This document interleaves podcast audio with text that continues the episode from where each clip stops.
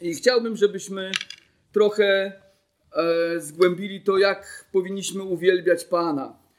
Bo On chce być uwielbiony, On chce być wywyższony w naszym życiu, ale nie tylko w naszym życiu, bo jak czytamy Biblię, to zobaczycie, że Bóg by, chce być wywyższony też między narodami. Bóg chce, żeby Go wszystkie ludy czciły, wszystkie narody Go czciły i każdy pojedynczy człowiek, żeby Go czcił. Bóg chce, żeby całe stworzenie Go czciło, dlatego że to wszystko, co stworzył, to wszystko, co tutaj mamy dzisiaj, to co widzimy, to do Niego należy. To jest Jego własność. On to wszystko po prostu nam dał. E, Biblia mówi, że On daje nam łaskę za łaską, że On nie jest skąpy, ale daje nam w obfitości. I chciałbym, żebyśmy zobaczyli, jak Izrael y, czcił Pana i jak wzywał do czczenia Pana przy wydarzeniu sprowadzenia Arki. Otwórzmy naszą Biblię na pierwszej księdze Kronik, 16 rozdział, od pierwszego do 36 wiersza. Pierwsza księga Kronik, 16 rozdział, od pierwszego do 36 wiersza. I przeczytajmy ten fragment. Gdy tedy sprowadzili skrzynię Bożą i ustawili ją w środku namiotu, który Dawid kazał dla niej rozpiąć, złożyli ofiary całopalne i ofiary pojednania przed Bogiem. Gdy zaś Dawid dokończył składania ofiar całopalnych i ofiar pojednania, pobłogosławił lud w imieniu Pana. I kazał rozdzielić między wszystkich Izraelitów, zarówno mężczyzn, jak i kobiety, po bochenku chleba, po kawałku mięsa i po kołczanu z rodzynkami albo placka z rodzynkami. Ustanowił też niektórych z Lewitów do posługi przed skrzynią pańską, ażeby wspominali, dziękowali i wychwalali Pana Boga Izraelskiego. A Safa jako przewodnika, jako jego zastępcę Zachariasza, potem Iela, Szemiromata, Jechiela, Matiasza, Eliaba, Beniasza, Obeda Edomczyka, Jeiela przy instrumentach takich jak harfy i cytry, a Safa zaś przy donośnych cymbałach. Następnie kapłanów Benajasza i Jachaziela, aby ustawicznie trąbili przy skrzyni przymierza Bożego. Wtedy to w tym dniu polecił Dawid po raz pierwszy Asafowi i jego braciom zanucić na cześć Pana tę pieśń. Od ósmego wiersza ta pieśń. Wysławiajcie Pana, Wzywajcie imienia Jego, ogłaszajcie wśród ludów dzieła Jego, śpiewajcie Mu i grajcie, opowiadajcie o wszystkich cudach Jego, chlubcie się świętym Jego imieniem. Niechaj się raduje serce szukających Pana. Szukajcie Pana i mocy Jego. Rozpatrujcie się ustawicznie o oblicze Jego. Rozpytujcie się ustawicznie o oblicze Jego.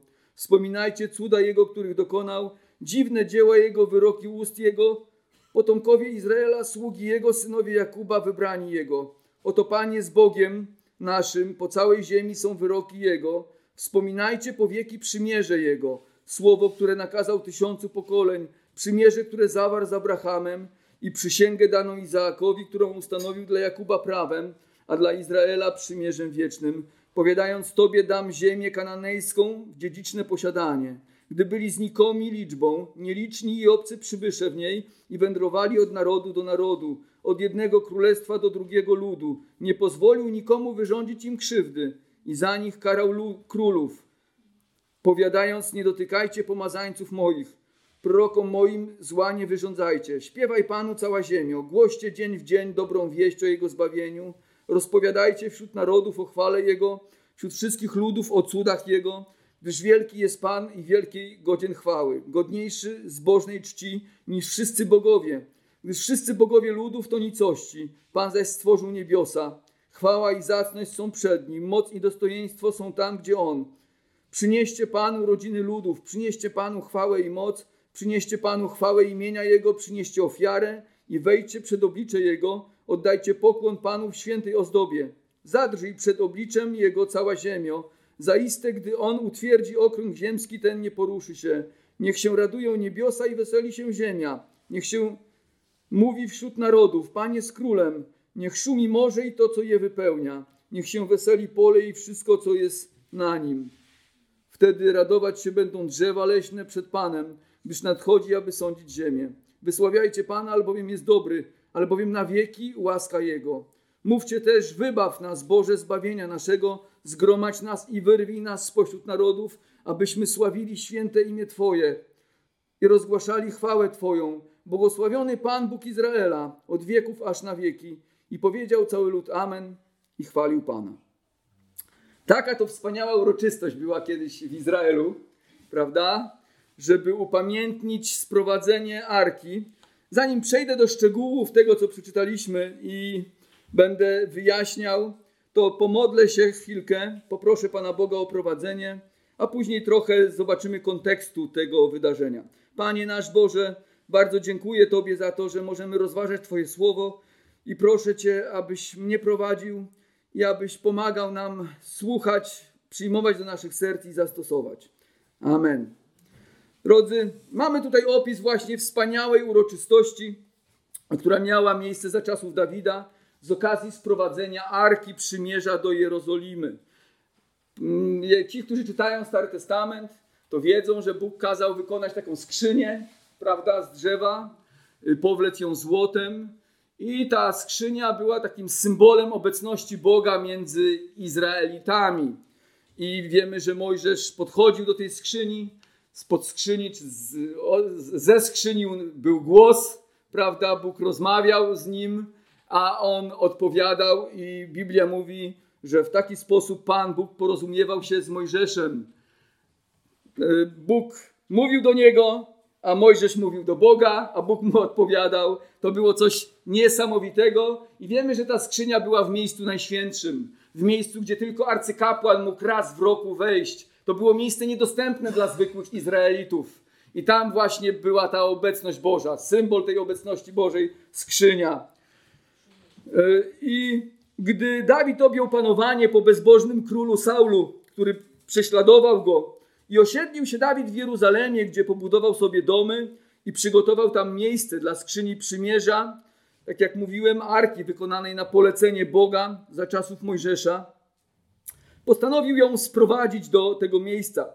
Najpierw arka była w izraelskim sanktuarium w Shiloh. Jak czytacie księgę Samuela, to wiecie, że tam Heli, prawda, i kapłani przy arce pełnili różne posługi, był namiot zgromadzenia, tam później też Samuel pełnił przy arce posługi i ona tam się znajdowała przez wiele lat. Ale gdyby wybuchła wojna z Filistynami, Izraelici postanowili posłużyć się arką, by wygrać bitwę i ściągnęli ją w miejsce bitwy, myśląc, że w ten sposób zmuszą Boga do błogosławieństwa. Jednak Pan odwrócił się od nich z powodu ich grzechów, przegrali bitwę i stracili arkę. Stała się ona łupem wojennym pogańskich narodów. Zabrali to, ten święty przedmiot, który prawda, był obiektem czci dla Izraela. Pewnie nie rozumieli tego, dlaczego Bóg nie zatroszczył się o swój przedmiot, prawda? Ale wiemy, że nie możemy Boga zmusić do błogosławieństwa przez jakiekolwiek przedmioty, przez jakieś gesty religijne, przez nabożeństwa czy cokolwiek innego.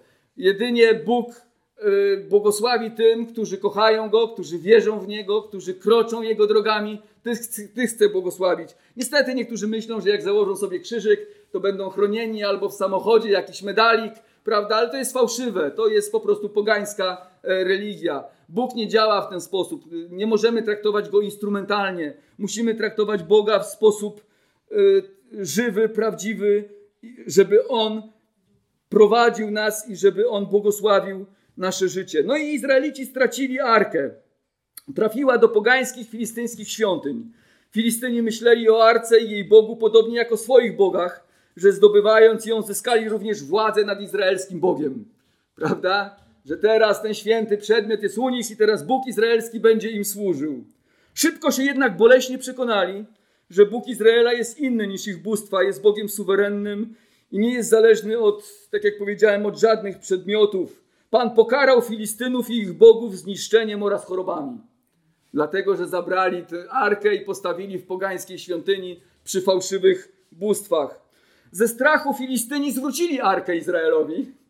Nawet jeszcze dali dary, żeby oni tylko zabrali tą arkę, żeby Bóg ich nie karał, prawda? Ale ona już nie trafiła do Shilo wtedy.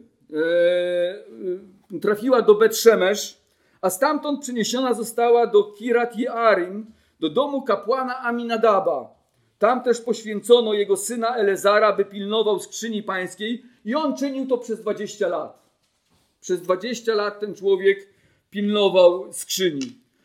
Za czasów Saula nie pamiętano o niej. Być może kiedy Izraelici przegrali tą bitwę, to Saul i inni pomyśleli sobie, że po co nam arka, skoro ona nie chroni nas od y, y, tych obcych narodów, nie zapewnia nam bezpieczeństwa i zostawili ją w domu tego kapłana. Gdy Dawid został królem i postanowił przygotować miejsce dla arki w Jerozolimie, to więc zabrał ją od Aminadaba, ale on nie uczynił tego zgodnie z przykazaniami Pana danymi w prawie i niepowołani ludzie dotykali arki, a Bóg wylał na nich swój gniew, broniąc swojej świętości. I czytamy w 13 rozdziale Księgi Kronik, że nawet pozbawił życia niektóre osoby. Dziękuję, Kasiu. Nawet pozbawił życia niektóre osoby, które dotykały arki. Z tego powodu na Izraelitów i Dawida padł wielki strach przed Panem. Bo bał się Dawid wnieść arkę do Jerozolimy i umieścił ją na krótki czas w domu Obeda Edomczyka, chcąc się lepiej przygotować do sprowadzenia jej do Jerozolimy. I w końcu to się udaje. Tutaj mamy właśnie w 16 rozdziale ten czas, kiedy oni w końcu sprowadzają tą arkę y, dzięki staraniom Dawida i arka odzyskuje swoje dawne znaczenie. I z tego powodu jest w Izraelu wielkie święto i wielka radość.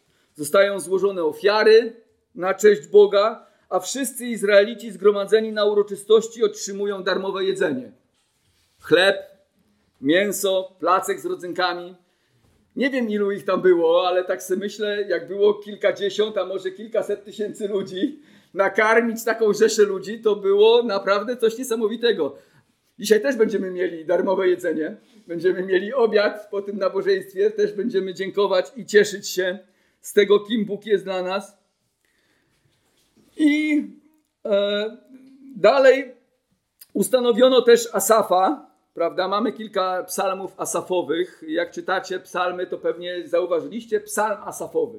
I tutaj zobaczcie, mamy właśnie ustanowienie tego człowieka. To był człowiek, który był odpowiedzialny za uwielbienie Boga w namiocie, tak? On układał też różne psalmy, on układał różne pieśni. Prawdopodobnie był muzykiem, tak? Był też kapłanem, i on też jakby no, na polecenie Dawida e, zebrał zespół ludzi, którzy po prostu chwalili Boga śpiewem, chwalili Boga też psalmami i chwalili Boga przez instrumenty.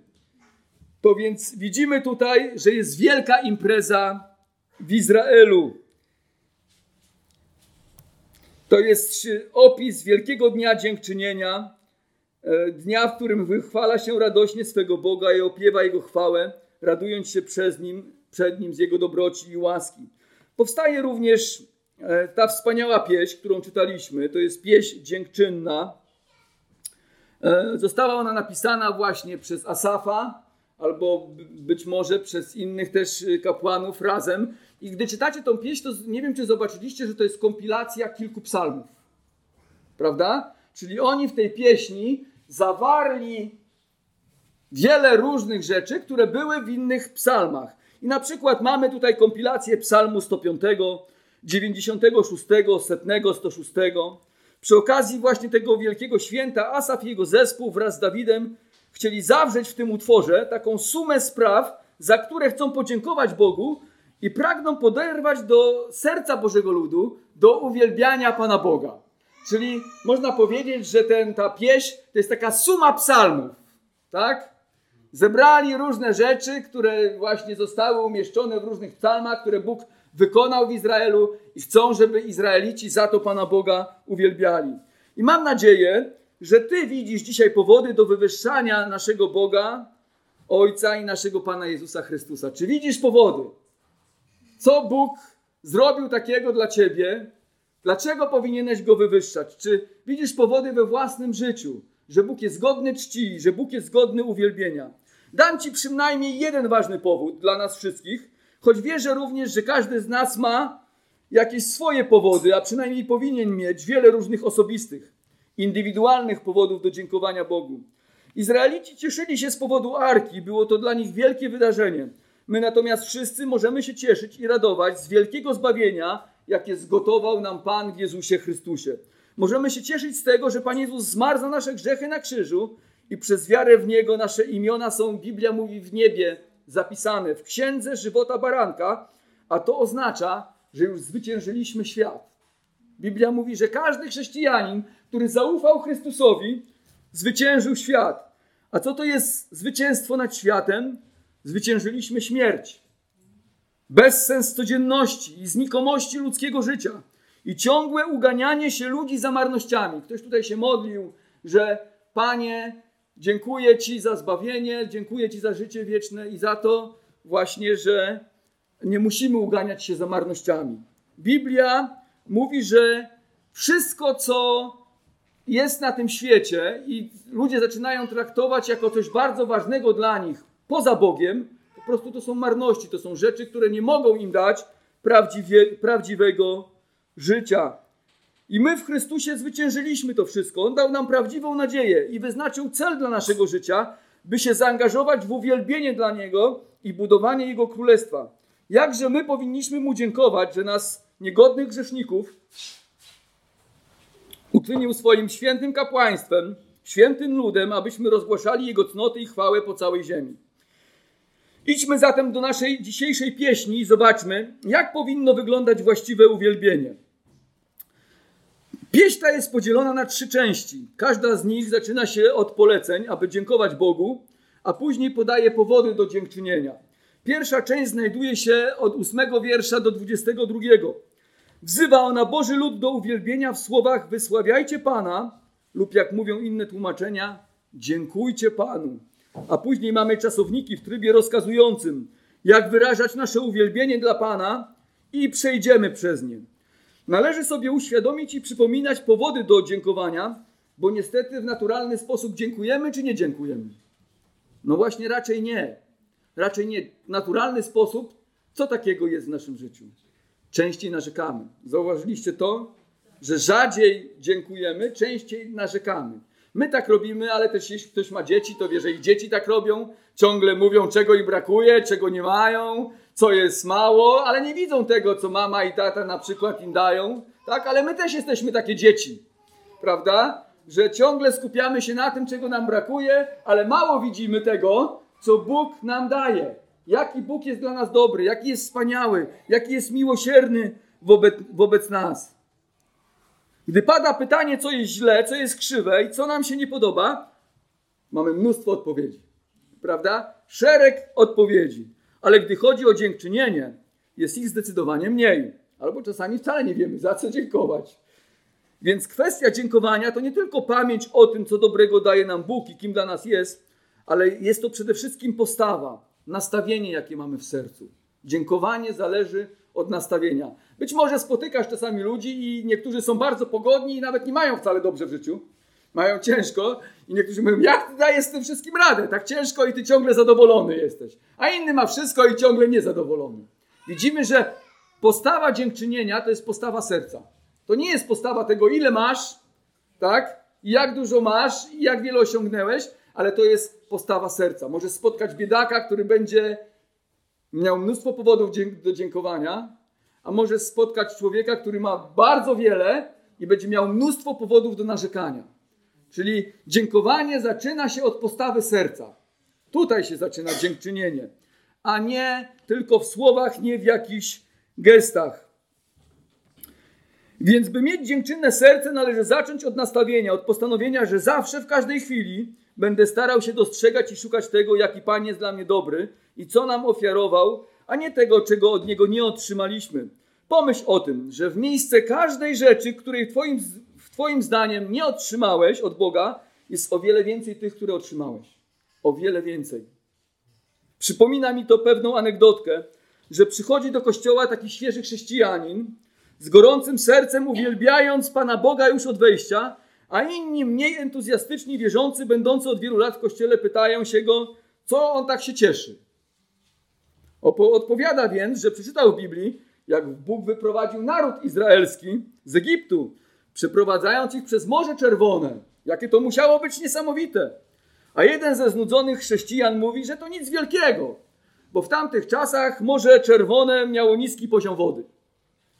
A wtedy ten młody chrześcijanin krzyczy: Chwała Bogu, chwała Bogu, bo w takiej niskiej wodzie Pan potopił wszystkich Egipcjan. Nie? Także zobaczcie, czy my umiemy właśnie dostrzegać, nie? Dostrzegać, za co my możemy właśnie dziękować Bogu. Obyśmy mieli właśnie taką dziękczynną postawę, w której będziemy dostrzegać we wszystkich okolicznościach życia powody do dziękowania Panu. Mamy przynajmniej jeden i wielki powód. Bóg dał nam swego Syna, Jezusa Chrystusa. Mamy życie wieczne. Apostoł Paweł, gdy był w więzieniu w Filipi, siedząc w celi, modlił się i śpiewem chwalił Boga. Czytamy o tym w 16 rozdziale w dziejach apostolskich. Wiemy, co się później stało. Powstało wielkie trzęsienie ziemi i zatrzęsły się mury więzienia oraz otworzyły się wszystkie drzwi, a kajdany więźniów rozwiązały się. Wierzę, że gdy będziemy mieli taką dziękczynną postawę, to nie raz i nie dwa zatrzęsną się jakieś mury więzienia. Mury jakichś naszych ograniczeń i zobaczymy chwałę Boga i Jego zwycięstwo w naszym życiu, dostrzegając, jaki jest dla nas dobry. Wysławiajcie Pana, dziękujcie Mu, wzywajcie imienia Jego. Od tego zaczynamy nasze uwielbienie w naszej pieśni, ale na tym się nie zatrzymujemy, idziemy dalej. Idziemy dalej. Uwielbienie to nie jest tylko słowa. Niektórzy myślą, że to tylko dotyczy śpiewania pieśni, może wtedy, kiedy mamy uwielbienie w czasie nabożeństwa, ale to jest dopiero początek. Idziemy dalej. Słowo Boże mówi, by wyrażać nasze uwielbienie dla Pana, ogłaszając wśród narodów Jego dzieła.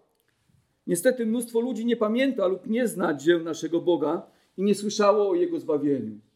Więcej ludzi nie słyszało niż słyszało, albo nie chcą słyszeć. Mnóstwo ludzi nawet nie słyszało o tym, że On wszystko stworzył i każdego dnia daje im życie, tchnienie, jedzenie, radość, słońce na niebie, możliwości do wykonywania pracy oraz realizacji powziętych postanowień.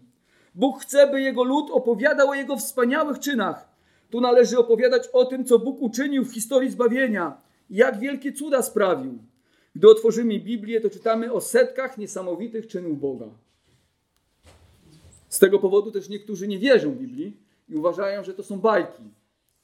Bo czytamy tutaj o cudach, które nie mogłyby się wydarzyć, gdyby nie interwencja wielkiego Boga. Czytamy o stworzeniu świata słowem Boga w sześć dni. Czytamy o ratunku Noego ze światowego potopu, powołaniu narodu izraelskiego z bezpłodnej kobiety i starego mężczyzny. O tym, że Bóg wielką, przemożną ręką ten naród wyprowadził z Egiptu, otwierając przed nimi wielkie morze, ale największy cud to posłanie na świat Zbawiciela. W jaki cudowny sposób on się narodził, jakie cudowne znaki temu towarzyszyły. Biblia mówi, że urodził się z dziewicy, z kobiety, która nie współżyła z mężczyzną. Prawda? Pan Bóg począł swego syna w cudowny sposób z Ducha Świętego. Czytamy o tym, że towarzyszyło temu, towarzyszyły temu znaki na niebie.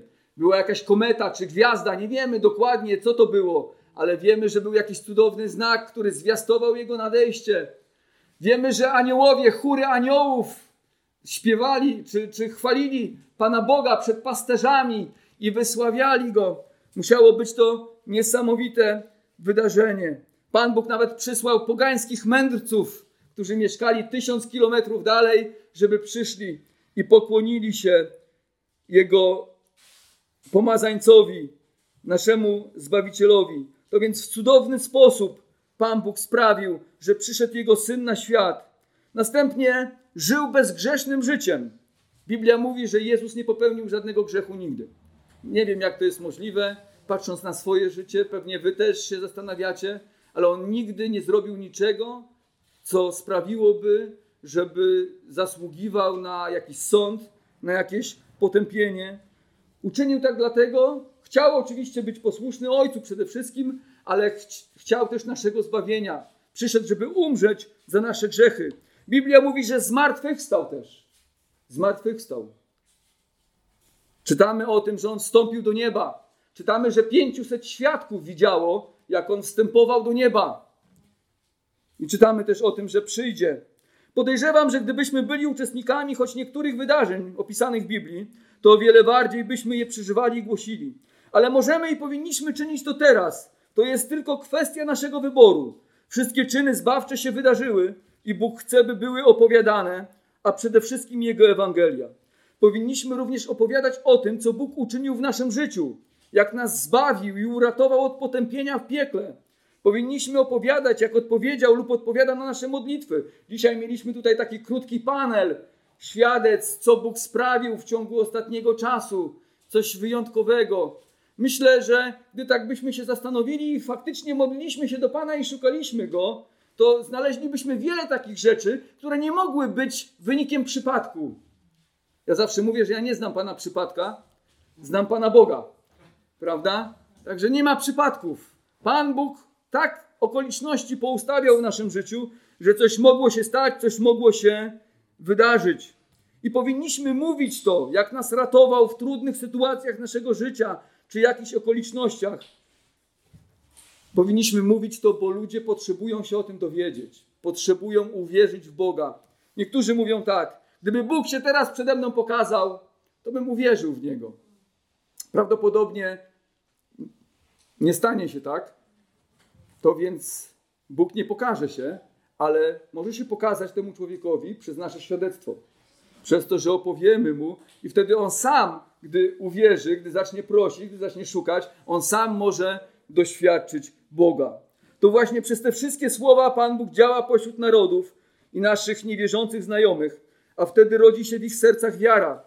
A my opowiadając Jego chwałę, możemy Go uwielbiać. Następnie słowo wzywa nas do wysławiania Boga poprzez granie i śpiew. Nie wiem, czy zauważyliście dziewiąty wiersz. Śpiewajcie Mu i grajcie. Śpiewajcie Mu i grajcie. To, co my dzisiaj robiliśmy tutaj na nabożeństwie, jeszcze będziemy robić.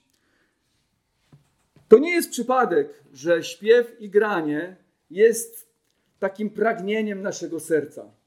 Biblia mówi, że otrzymaliśmy to od Pana, że ludzie chcą śpiewać i chcą grać.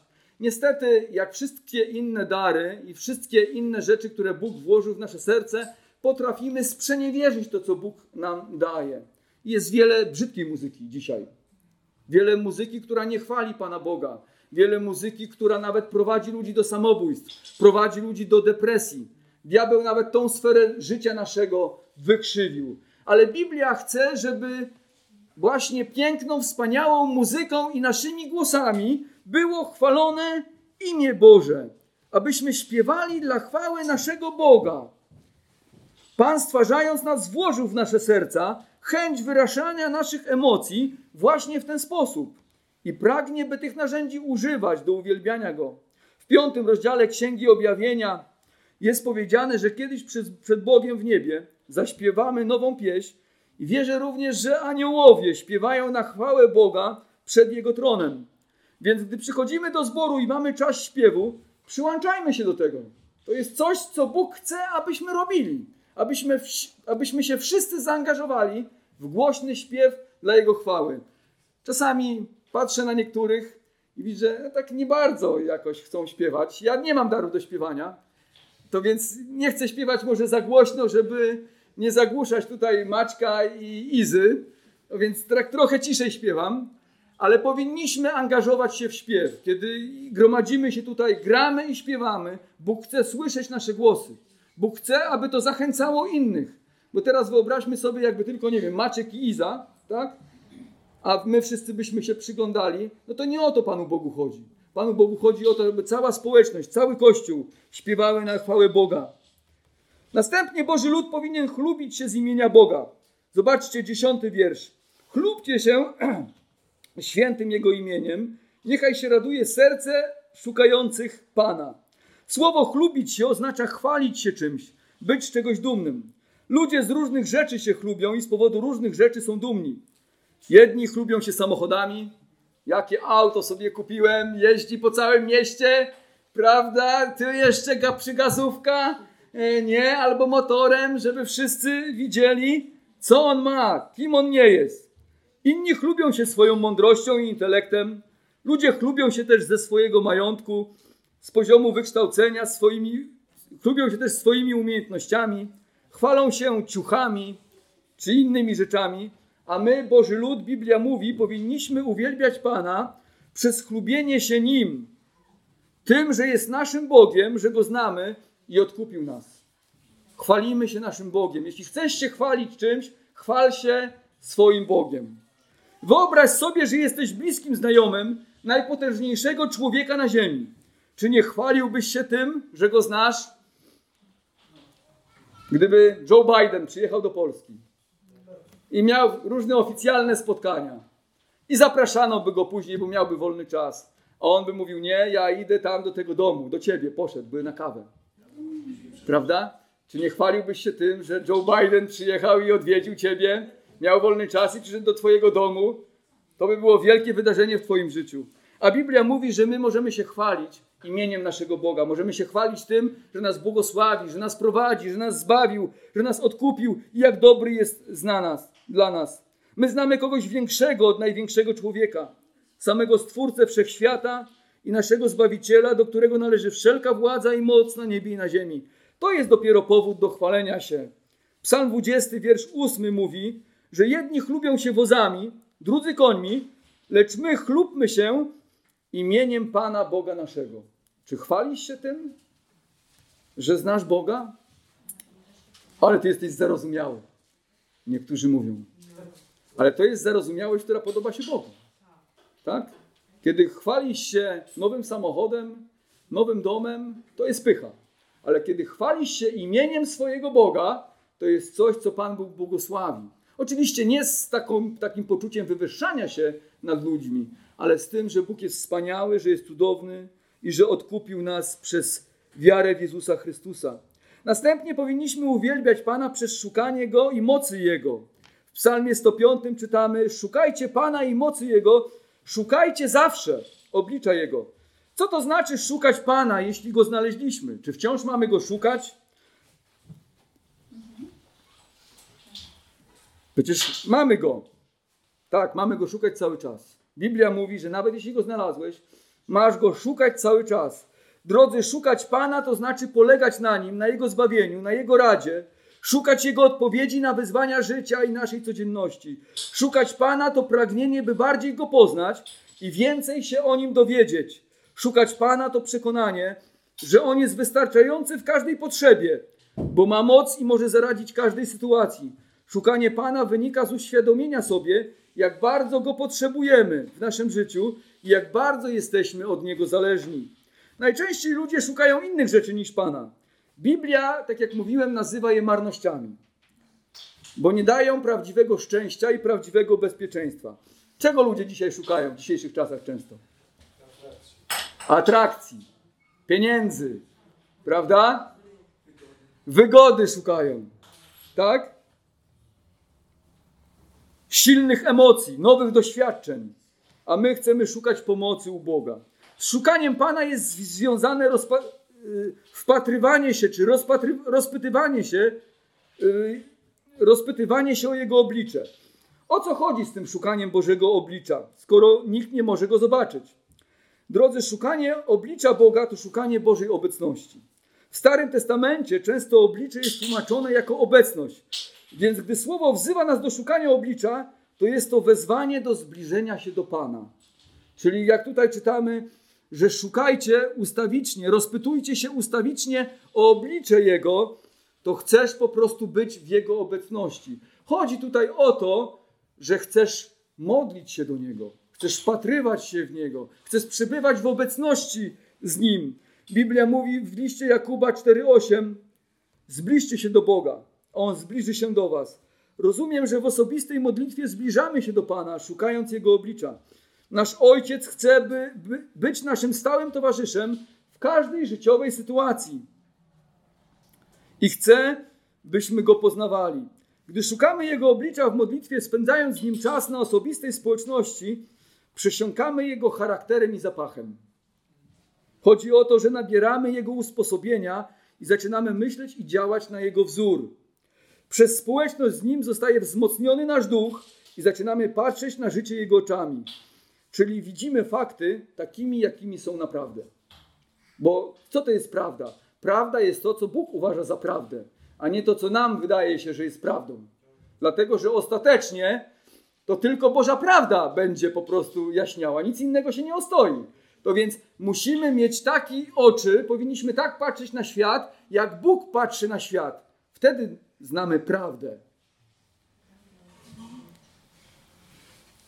Bardzo przypomina mi to sytuację, jak kiedyś Mojżesz poszedł na górę Pana, by otrzymać od niego przykazania i przebywał tam przez wiele dni w jego obecności.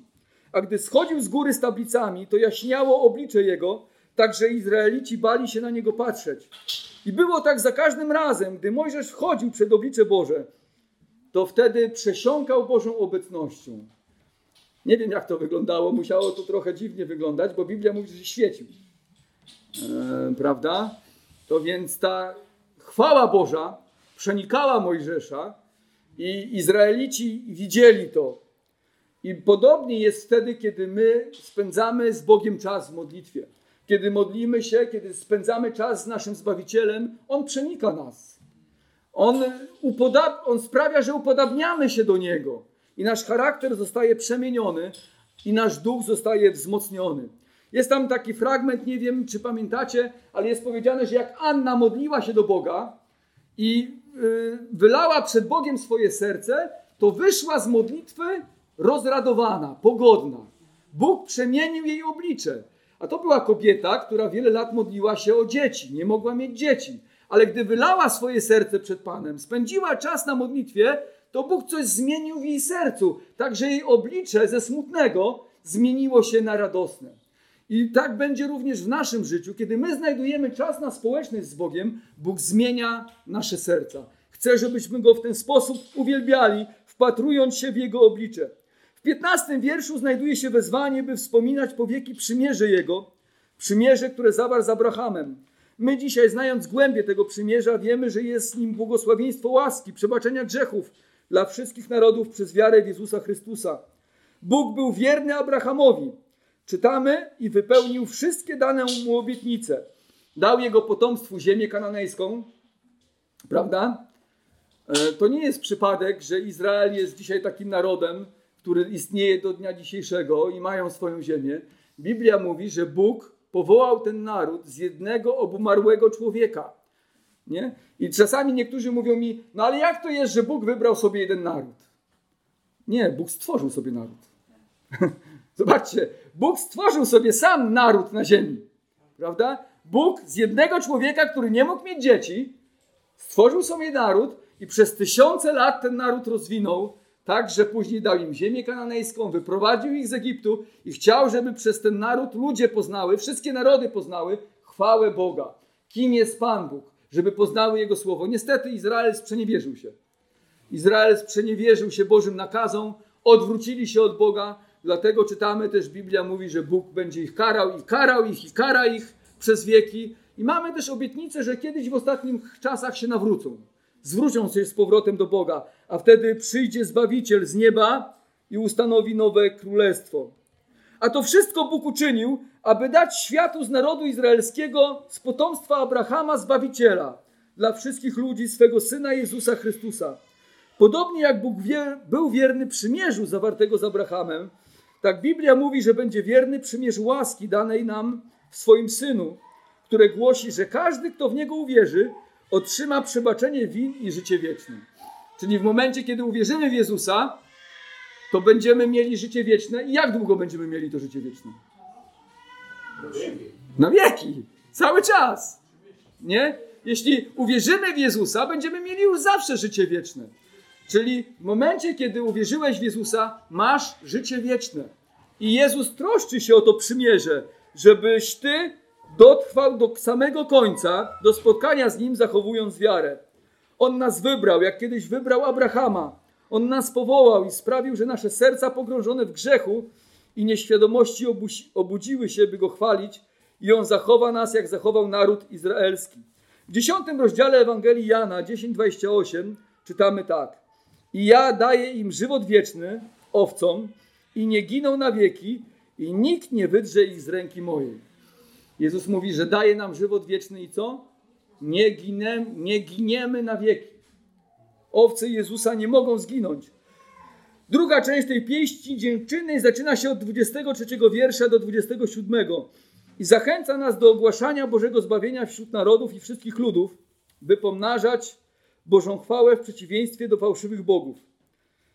Biblia mówi, że nasz Bóg nie jest tacy jak inni bogowie, bo inni bogowie są wymyśleni, wymyśleni przez ludzi. Nasz Bóg jest Bogiem wszystkich ludzi, choć ludzie go nie znają.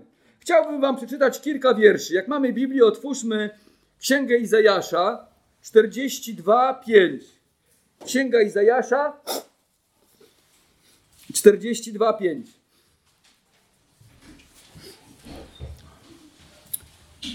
Tak powiedział Bóg, Pan, który stworzył niebo i je rozpostarł, rozciągnął ziemię wraz z jej płodami, daje na niej ludziom tchnienie, a dech życiowy tym, którzy po, którzy po niej chodzą.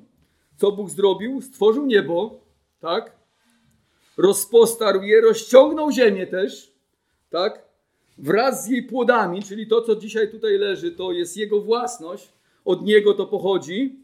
Daje ludziom tchnienie. Co to znaczy?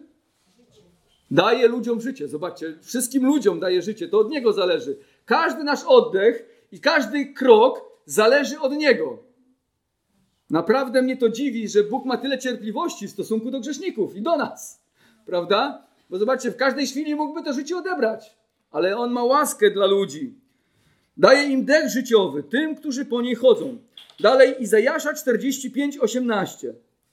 Bo tak mówi Pan, Stwórca niebios. On jest Bogiem, który stworzył ziemię i uczynił ją, utwierdził ją, a nie stworzył, by była pustkowiem, lecz na mieszkanie ją stworzył. Ja jestem Pan, a nie ma innego. Jak polecisz na Marsa, to jest tam życie? Nie ma. A na innych planetach? No nie ma. Póki co nie znaleziono. Nie wiem, czy kiedykolwiek znajdą jakiekolwiek życie na innych planetach. Ale zobaczcie, Ziemia jest pełna życia. Pełna życia. Ludzie chcą się przenieść na Marsa, a nie chcą żyć na Ziemi. Ja naprawdę się dziwię. Prawda? Tutaj na Ziemi mamy miejsce przygotowane przez Boga, żebyśmy żyli. I jest powiedziane, że stworzył ziemię Pan Bóg na mieszkanie dla nas. Także to jest niesamowite. On jest Panem i nie ma innego. On jest właścicielem ziemi i wszystkich stworzeń. I jeszcze jeden fragment w księdze Izajasza 43:10. Wy jesteście moimi świadkami, mówi Pan, i moimi sługami, których wybrałem, abyście poznali i wierzyli mi i rozumieli, że to ja jestem, że przede mną Boga nie stworzono i po mnie się go nie stworzy. Ja, jedynie ja jestem Panem, oprócz mnie nie ma wybawiciela. Zobaczcie, co Bóg mówi. Mówi, ja jestem jedynie Bogiem. Nie ma innego Boga. Chociaż mamy tysiące religii, tak? Nie wiem ile teraz. Z tego co wiem, to chyba ponad 3000 religii jest na świecie, prawda? A bogów to pewnie jeszcze więcej, których wymyślił człowiek. I ludzie wierzą w różnych bogów. Mają ich tysiące. Mają tysiące fałszywych bogów i mają tysiące fałszywych religii i codziennie obrażają swego stworzyciela, oddając część martwym religiom, martwym bogom. I Biblia mówi, że ukrywają się za tymi fałszywymi religiami demony. Demony. Diabeł ukrywa się za tymi fałszywymi religiami. Dlaczego on to robi? Chce tak namieszać ludziom, aby nikt z nas nie znalazł zbawienia, aby nikt z nas nie znalazł zbawiciela, aby nikt z nas nie mógł oddawać chwały dla naszego Boga. Biblia mówi, że Bóg jest zazdrosny o swoją chwałę, że On stworzył ludzi, żeby ludzie Jego czcili, a nie fałszywych bogów. Dlatego, że On jest ich właścicielem i On daje im życie. W 26 wierszu naszej dzisiejszej pieśni czytamy, że wszyscy bogowie ludów to nicości. Wszyscy bogowie ludów, wszystkie religie oprócz jednej, chrześcijaństwa. I to chrześcijaństwo opartego na Biblii, na Słowie Bożym, to oszustwo. Wszystko, co poza Biblią, to oszustwo. Tak naprawdę Biblia mówi, że diabeł jest twórcą tych wszystkich fałszywych religii. Poddaje ludziom pomysły, aby wymyślali kolejne bóstwa, kolejne jakieś fałszywe e, sposoby czczenia Pana Boga i żeby ludzie pogubili się i nigdy nie znaleźli Zbawiciela. Dlatego należy zwiastować o Jego zbawieniu całej ziemi, by pomnażać chwałę naszego Zbawiciela i ratować zgubione narody, by mogły poznać Ewangelię i dostąpić przebaczenia. Ile to fałszywych bóstw ludzie nawymyślali, tworząc martwe podobizny Boga z przedmiotów i oddając cześć swoim fałszywym wyobrażeniu Boga. Wystrugał, postawił w domu, prawda? I teraz klęka się, Boże mój, ratuj mnie. Nie? Ale przecież nic nie może zrobić. Nie, bo jest martwy. Ale nasz Bóg jest żywy. Nasz Zbawiciel nie jest podobny do żadnego wytworu ludzkiej ręki, ludzkiej sztuki czy ludzkiej pomysłowości. Cokolwiek by człowiek powiedział i wymyślił o Bogu, nie jest w stanie oddać jego prawdziwej istoty. Ludzkie wyobrażenia i wizerunki Boga zawsze będą go ograniczać i umniejszać jego chwałę. Wspaniałość i splendor. I splendor. W 27 wierszu czytamy, że On jest w majestacie i jest wspaniały. Jest również potężny i pełen blasku. Zobaczcie, 27 wiersz. Chwała i zacność są przed Nim, moc i dostojeństwo są tam, gdzie On. Nasza wyobraźnia, choćby była najbardziej rozwinięta, nie jest w stanie pojąć i ogarnąć Jego wielkości i Jego potęgi. Musi być wspaniały, musi być cudowny. Cokolwiek byś sobie pomyślał najwspanialszego, to, to jest zbyt płytkie, żeby y, wyobrazić sobie, jaki on jest cudowny. Myślę o tym czasami i rozmyślam nad Jego wiedzą, nad Jego chwałą, że zna drogę i myśli oraz dążenia każdego stworzenia i myśli o nich wszystkich w jednej chwili i w tej samej chwili. Jaki musi być mądry. Zna drogę każdego stworzenia, nie tylko ludzi, ale każdego stworzenia, każdego robaczka, który gdzieś tam w trawie, prawda, jest. Bóg wie, co on zamierza, dokąd idzie, prawda? To jest niesamowite. Więc uwielbiaj go, głosząc jego zbawienie, jego Ewangelię. Jeśli jest coś na tej ziemi, o czym warto mówić, to na pewno warto mówić o naszym Bogu i jego odkupieniu. I ostatnia część naszej pieśni jest od 28 wiersza do 36. To jest wezwanie do uwielbienia naszego Boga, całego stworzenia. Nasz Bóg jest tak wielki, tak wspaniały, tak dla nas dobry i tyle nam daje, że powinniśmy uczcić Go naszym uwielbieniem i naszymi darami. Czytamy o tym 28, 29. Przynieście Panu rodziny ludów, przynieście Panu chwałę i moc, przynieście Panu chwałę imienia Jego, przynieście ofiarę, wejdźcie przed oblicze Jego, oddajcie pokłon Panu w świętej ozdobie. Nasze uwielbienie powinno zaczynać się od wewnątrz, czyli od naszego serca. Powinno nam ciągle towarzyszyć pragnienie, by sławić naszego Boga i manifestować się to na zewnątrz. Każdy człowiek, a szczególnie my, którzy doświadczamy Jego zbawienia, powinniśmy być wdzięczni, bo mamy ku temu setki powodów. To, że nie zawsze jesteśmy tacy, jacy powinniśmy być, świadczy tylko o naszym poziomie grzeszności i zatwardziałego serca. Istoty w niebie cały czas chwalą Boga, wysławiają Jego wspaniałość. Nasze uwielbienie powinno iść dalej niż tylko chęć zaśpiewania kilka pieśni dla Boga, czy powiedzenia Mu, jaki jest wielki. Słowo Boże również wzywa nas, byśmy przynosili Bogu ofiary. Przynieście ofiarę i wejdźcie przed oblicze Jego. Tą ofiarą dzisiaj w Chrystusie powinno być całe nasze życie. Przede wszystkim to nasze posłuszeństwo, święte życie. Jak czytamy, oddajcie Panu pokłon w świętej ozdobie. Tak? Bóg nie tyle Bogowi chodzi o jakiś kult, tylko chodzi o to, Bogu chodzi o jakiś kult, tylko chodzi mu o to, żebyśmy prowadzili życie zgodne z Jego słowem. Tak? Nawet Biblia mówi, że jeśli gromadzimy się na jakichś religijnych uroczystościach, i powinniśmy to robić, ale jeśli tylko to robimy bez życia zgodnego z Bożym Słowem, to jest to obrzydliwe dla Boga. Bóg mówi, do Izraela powiedział, nie mogę ścierpieć waszych świąt, a wasze szabaty obrzydły mi. A przecież On to wszystko nakazał. Ale dlaczego mu obrzydły? No bo mieli te wszystkie święta, mieli tą całą religię, ale kradli, kłamali, oszukiwali, kłócili się i nie kochali Boga. Prawda? Zastąpili kult religijny prawdziwą czcią. I mówi: Jeśli wy będziecie prawdziwie mnie czcić, to ja przyjmę też i wasze święta i przyjmę również wasze ofiary. To więc Bóg chce naszych ofiar, ale przede wszystkim chce, żebyśmy prowadzili życie zgodne z Jego słowem. I gdy mówimy, że Bóg chce całe nasze życie, to nie zawsze wiemy o co chodzi, więc podam kilka przykładów. Uwielbiamy Boga przez poświęcenie naszego czasu dla Niego, gdy wykonujemy to, do czego nas wzywa, a nie to, co my chcemy robić. Uwielbiamy Go przez nasze służby w Kościele, przez służenie braciom i siostrom, przez zwiastowanie Jego Ewangelii, przez wykonywanie swoich obowiązków z radością Jego imieniem na ustach. Gdy idziesz do pracy, to w jaki sposób pracujesz? Czy tak jak dla Pana, czy tak jak dla szefa? Prawda? Jak szef jest dobry, to może i chęć, z chęcią się pracuje. Jak jest gorszy, no to tak nie, nie bardzo. Ale jeśli pracujesz tak jak dla Pana, dla Boga, który jest dawcą życia, dawcą łaski, to ciągle będziesz miał radość. Uwielbiamy Go też przez złożenie pieniędzy, które nam daje na rozwój Jego Królestwa i Jego dzieła. Niestety niektórzy mają z tym problem, ale to jest problem z wiarą i zaufaniem do Boga. Jeśli ściskamy mocno nasze portfele i żal dać nam część z tego, co nam Pan daje, to zachowujemy się podobnie jak nasze małe dzieci, którym kupujemy paczkę cukierków, a później chcemy od dziecka jednego cukierka, a ono nie chce nam dać. Tak? Zdarza się? No, kupisz mu paczkę i mówisz, daj mi jednego. Nie.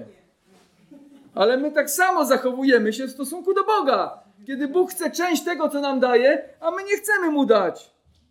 Przecież rodzic mógłby zabrać dziecku te wszystkie cukierki, jakby chciał, albo nie kupić i nie miałoby w ogóle. Tak? Mógłby w tej chwili pójść sobie do sklepu i kupić sobie 10 razy większy worek. Jakie ma dziecko. I śmiać się, a zobacz, ja mam więcej. Nie? To więc dając Bogu, nie zaspokajamy Go, ale w ten sposób wyrażamy nasze uwielbienie i wdzięczność.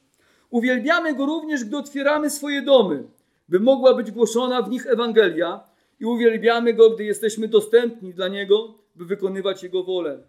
Pan nasz chętnie przyjmuje ofiary i błogosławi je oraz pomnaża.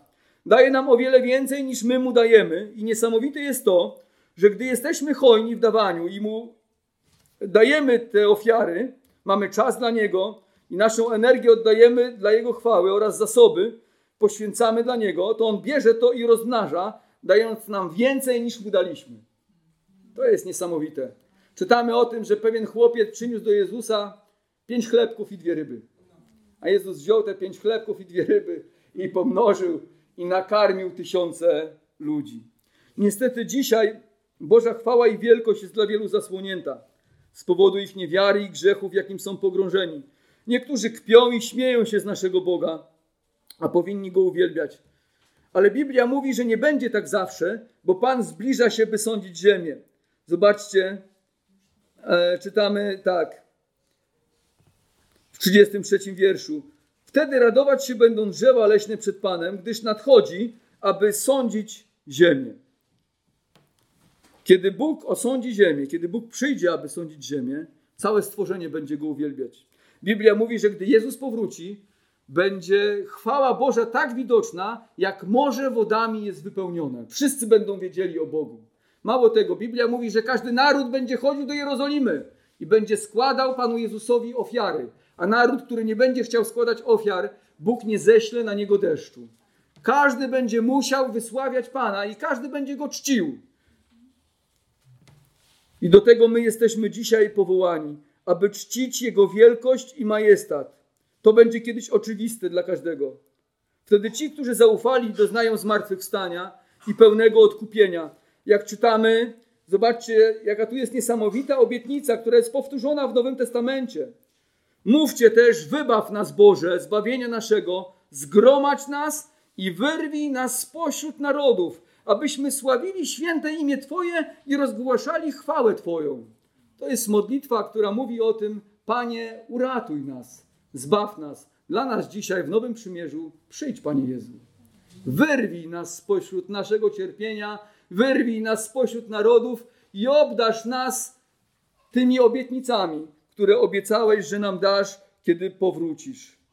Powrót naszego Zbawiciela dla nas wierzących będzie czymś niezwykle wspaniałym. Niestety dla niewierzących Biblia mówi, że to będzie czas potępienia i odrzucenia od oblicza Pana. Podsumowując, w pierwszej części powiedzieliśmy sobie, że należy dziękować Bogu i uwielbiać Go i powiedzieliśmy sobie, jak to robić. W drugiej części mówiliśmy o tym, że nasz Bóg jest inny niż wszyscy bogowie wymyślani przez, przez ludzi. Jest przede wszystkim prawdziwy i zazdrosny o swoją chwałę i powinniśmy pomnażać ją, głosząc ją wśród narodów. I w trzeciej części mamy wezwanie, by uwielbiało Boga całe stworzenie. Niebiosa, morze, drzewa, góry i wszyscy ludzie, bo idzie sądzić ziemię, by odebrać to, co mu się należy, swoją chwałę. Ci, którzy go usłuchają, zostaną obdarzeni łaską i błogosławieństwem. Ci natomiast, którzy nie będą chcieli tego czynić, nie będą chcieli go uwielbiać, będą się buntować i oddawać cześć martwym bałwanom, poniosą karę i zatracenie wieczne. Także ratujmy ludzi z tego, że nie znają Zbawiciela, aby Boża chwała się pomnażała i żeby mogli Go poznać i przyłączyć się do tego uwielbienia, które Bóg chce, aby Mu oddawało całe stworzenie. Amen. Zachęcam do powstania i do modlitwy. Panie nasz, dziękujemy Ci za to, kim jesteś. Nawet jeśli znamy dobrze Twoje słowo, nawet jeśli chodzimy z Tobą blisko, to tylko w małej części rozumiemy, jak jesteś wielki. Panie, dużo więcej pojmiemy z tego, jakim jesteś wspaniałym Bogiem, gdy spotkamy się z Tobą. Ale dziękujemy Ci nawet za to małe objawienie, które już mamy. Kiedy zbliżamy się do Ciebie i przysiąkamy Twoją obecnością, to widzimy, jaki jesteś wspaniały, jaki jesteś dobry, jaki jesteś łaskawy. Panie, ja Cię proszę, abyś zmieniał nasze serca, serca naszych dzieci, serca tutaj naszych braci, sióstr, serca tych wszystkich, którzy są na tym miejscu, abyśmy nie byli ludźmi, którzy ciągle widzą powody do narzekania, ale żebyśmy byli ludźmi, którzy widzą wiele powodów do uwielbiania Ciebie i dziękowania. Panie, wtedy też jesteśmy ludźmi, którzy oddają Ci chwałę w należyty sposób. Nie chcemy być tylko religijni. Nie chodzi nam o to, żeby zaśpiewać kilka pieśni, ale chodzi nam o to, Panie, żeby Twój obraz w naszym życiu był widoczny w tym świecie i chcemy nieść Twoją Ewangelię dla innych ludzi i innych narodów i przyłączać się do uwielbienia, które oddaje Ci całe stworzenie, czekając na Twój powrót i wiedząc, że to będzie dzień wspaniały, kiedy Panie Twoje, kiedy uwielbienie będzie czymś niesamowitym, kiedy cała ziemia zaśpiewa tą pieśń i wszyscy oddają Ci chwałę i cześć, której jesteś godzien. Amen.